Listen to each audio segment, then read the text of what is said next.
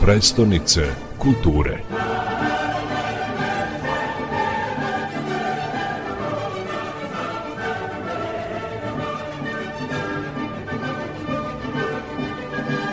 Uprkos životu u Parizu, Brankuši je u svom radu ostao duboko ukorenjen u rumunsku tradiciju, istoriju i mitologiju, e, kako izložba naglašava njegove rumunske korene i univerzalnu perspektivu njegovog stvaralaštva. Thank you for this uh,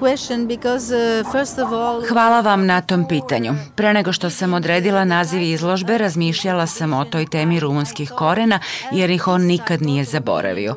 Međutim, promenila sam naziv u rumunski izvori jer sam razmišljala o činjenici da je Brankuši napustio Rumuniju 1904. godine, ali je sačuvao u sećanju nasledđe svoje zemlje. Vratio se u Rumuniju jer su Rumuni negovali komunikaciju sa njim i smatrali ga predstavnikom rumunskog stvaralaštva. Izložba teži da prikaže da je Brankuši bio Rumun u Parizu.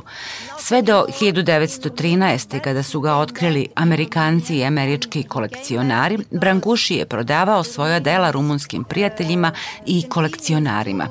To objašnjava postojanje dve njegove velike kolekcije u Rumuniji, u muzejima u Bukureštu i Krajovi.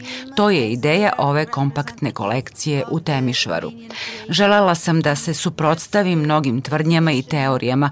U Rumuniji se često kaže da je Brankuši bio odbačeni umetnik, da ga komunistička partija nije priznala i slično. To nije tačno. Komunističkom režimu bile su potrebne ličnosti koje bi predstavljene predstavljale rumunsko stvaralaštvo. Među njima je bio Brankuši, kompozitor Žorž Enesko i drugi. Održavali su odnose s Brankušijem jer su, po mom mišljenju, na početku njegove karijere, njegovi prijatelji, umetnici i pisci verovali u njega i njegov talenat. Mislim da je bio svestan svoga talenta i odlučnosti da postigne visoke domete. To se vidi iz odluke da se odvoji od Rodena 1907. godine.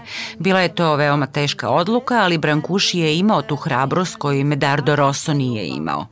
Uz podršku svojih sunarodnika koji su kupovali njegova dela, nastavio je da traga za sobstvenim putem. Odlučio je da se odvoji od Rodena, ali ga nikad nije negirao. Htela sam da istaknem taj koncept na izložbi. U tom periodu nekoliko rumunskih udruženja pozvalo ga je da kreira spomenike u Rumuniji. Bio je ponosan na to i pristao je, ali nikad nije realizovao te projekte. Prosto nije mogao da pronađe pravu ideju. Predsednica Nacionalne lige žena u Rumuniji i žena tadašnjeg premijera Aretija Tataresku predložila mu je 1935. da kreira spomenik posvećen herojima Prvog svetskog rata. Brankuši je prihvatio, ali je naglasio da želi potpunu kreativnu slobodu. Bio je u pravu što je to zahtevao, jer ga više nije toliko zanimalo predstavljanje ljudi, vojnika, bitaka i slično. Želeo je da postavi neka značajna dela koje je stvorio u svom svom parijskom studiju.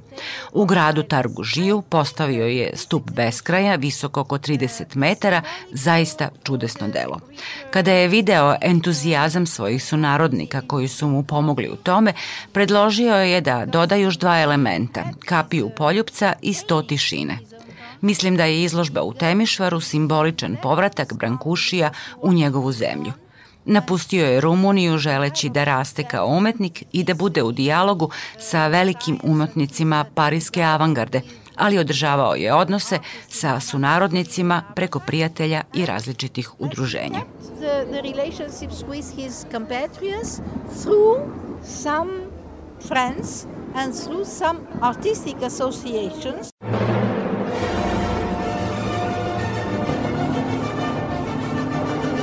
prestonice kulture.